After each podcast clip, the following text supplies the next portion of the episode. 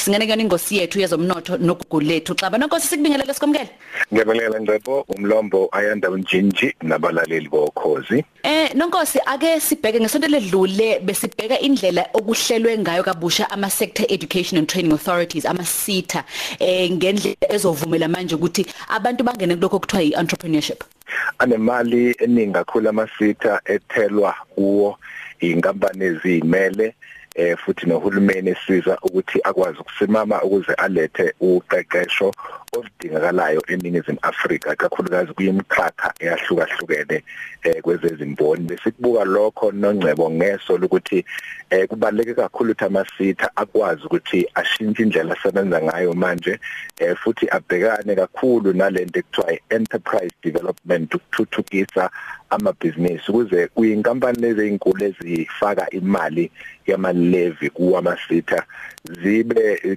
kwakheke futhi ezinye inkampani ezincane ukuze umnotho ukwazi ukuthi wehlele mazingeni aphansi kwakheke inkampani ezikhanda ujam kungabe inkampani ezinkulu kuphela kwakheke inkampani ezikhanda. Zonke izinto eziyimkheqezo ezingeni eliphansi nengcebo Nonkosi kuthe makumenyezelwa ukuthi eh ikhona imali ezokwazi ukuthi ilekelele osomabhizinisi nabantu nje emkhakheni eyahlukahlukene njengoba kade lockdown kwawukuthi abantu abaningi abaningi abaningi bayalimala. Einkampani ezithile zavalwa einkampani ezithile zadiliza njalo njalo. Kwathiwa awu kanti bekukhona imali engaka? Ibifihlwe phi le mali? Ayiyavela indaba ukuthi cha siyibolekile le mali. Ay abanye bathi hayi abayizwa ncam le ndaba ukuthi kuboleka imali. Babona sengathi kufezeke inhloso ezithile zonxiwa nkulu uma kubheka indaba yokuboleka le mali. Yindaba abantu bathuke uma ukuthi sikwazi ukuthi siboleke imali kwi-IMF i-International Monetary Fund ne World Bank.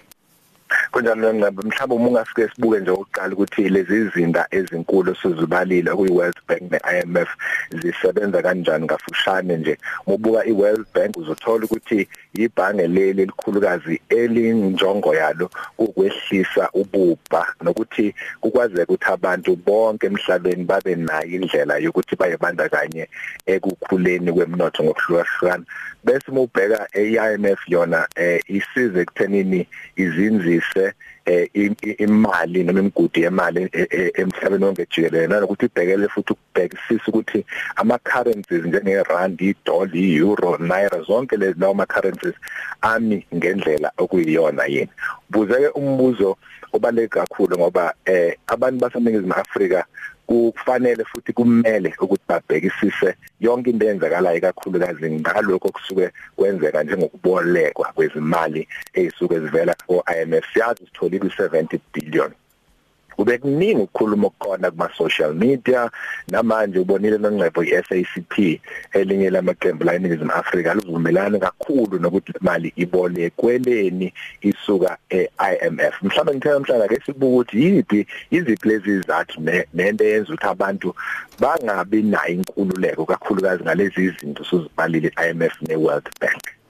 Eh nongcebo le uma ungabuka nje kokuqala ukuthi siphila emhlabeni lapho ukhona ukulwa ukukhulukazi ukuthi akungabi kusaba umhlaba obizwa phecelezi unipolar iunipolar ke umhlaba lo okakhulukazi obuswa yiAmerica ngoba siyazi phela iAmerica iyona bhongoza futhi nongqongqoshe wamazwe omhlaba ngokwamandla ezezimali. Eh umhlaba wonke njengamanje ubheke esigabeni lapho kuthiwa i-multipolar world lapho uzobuswa khona ngokubambisana kungabi bikho eh umnumzana Mandela umongameli wethu wakwathi kweAmerica eyikhuza ngesikhathi soSaddam ethi ngifuna ukwenza iphoyisa lomhlaba. Kungabikho umuntu ozoba iphoyisa lomhlaba ozogada zonke nje izinto kube uye kuphela owubhongoza. Into ke yenzakalayo la mungabuka eh ukuthi izwe lase-America noma iunipolar noma ilokhu kwen IMF imali esiyiboleke amazwe asathuthuka zicishe zibe ngaphezulu kwe1 trillion eh ngamadola seAmerica. Eh uma ubuka lamazwe aboleke lezi mali anobubha ungazange uzubone ngesizathu sokuthi imali iyafika njengayona le isikhathi esiningi ifika mhlambe i1.1% kodwa kuyothi kuphela iminyaka eyishumi kuyobe sekuyi double digit. Isila ko 10 12 15% eh uthola ufanele izwe libuyisele le mali. Iyakhula njalo le mali. Njengemali yakho nje uboleka iloan eh uthenga indlu uyikhokhela 20 years. Indlu ithenga ngo 500000 kodwa base kuphela u20 years ukhokhile noma u3 noma u4 million. No 500000 nje. So lo 70 billion ungase ukhule siyibone sesikhokha imali u500 billion after 20 years mm. kuyokuncika ekuthenini siboleke isikhathi esingaka ngakho sithi imgomo eshaywayo iIMF mayibolekisa imali efana nale kufanele uhulumeni uma ukuthi uhulumeni wethu njengoba siyazo wethu asivezele yona ngoba laba ababoleka imali ngoba bengasekho ngaleso sikhathi sekukhokha izingane zimali nezizukulwane ezizayo.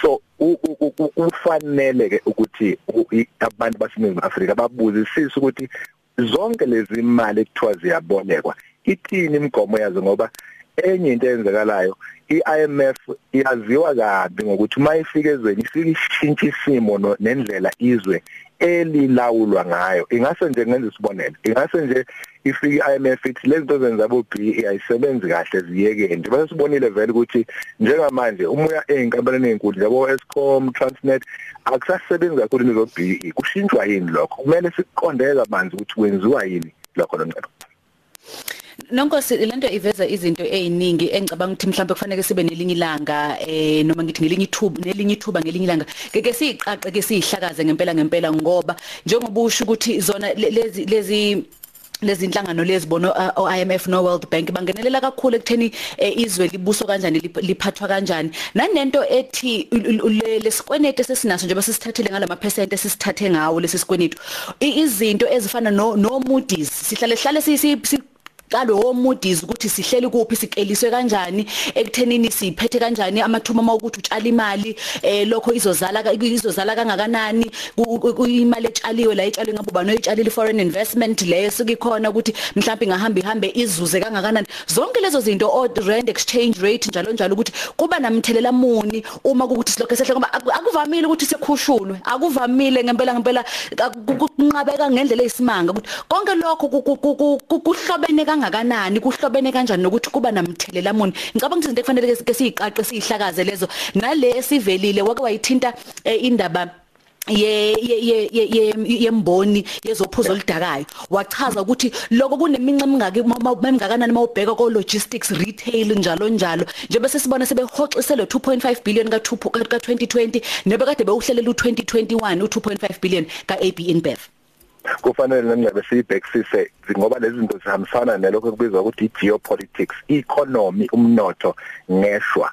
Eh unepolitiki eningi kakhulu. Ukuthi laba basuke besemagunyeni benikwa amandla ukuthi baphathe kumele baqonde kahle kakhulu ukuthi aku akekho umuntu ozoserve interest yethu.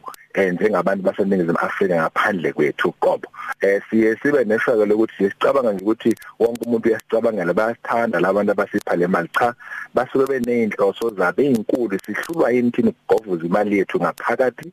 Siqondisise kahle ukuthi eh siyakwazi ukuthi siyimele ngendlela ejile isikhathi esiningi siyamene ukuthi mawuthi nje phatha phatha sesigijimela ngaphesheya kwamanye amazwe sechoboleka imali. Kufana nama ideas wethu. Asinama ideas awu original isikhathi esiningi. Sesidonsa izinto esuyevela ngaphandle bese sithi ke asi-implement lapha ngaphakathi yinto efana sibukele zinongcebo ngokushesha Nonkosi sesonga nizoba ne webinar um ama details ne WhatsApp number njalo njalo bazo bazoyithola abantu eh, ingomhla ka7 kuAugust futhi ngomugqibelo ngaphonthisi eh isobe sine webinar lapho sizobe sikhuluma kabanzi kakhulu ngendaba zamadayimani eh izobe yamahala abantu bazongena nje bangalandela ilokhu zanombolo yethu 08222 52217 noma www.amandlaomnotho.co.za lo lishona namhlanje sithi uploadile ukuthi izobe kuphi le webinar bayijoine kanjani abantu nongcebo Shabat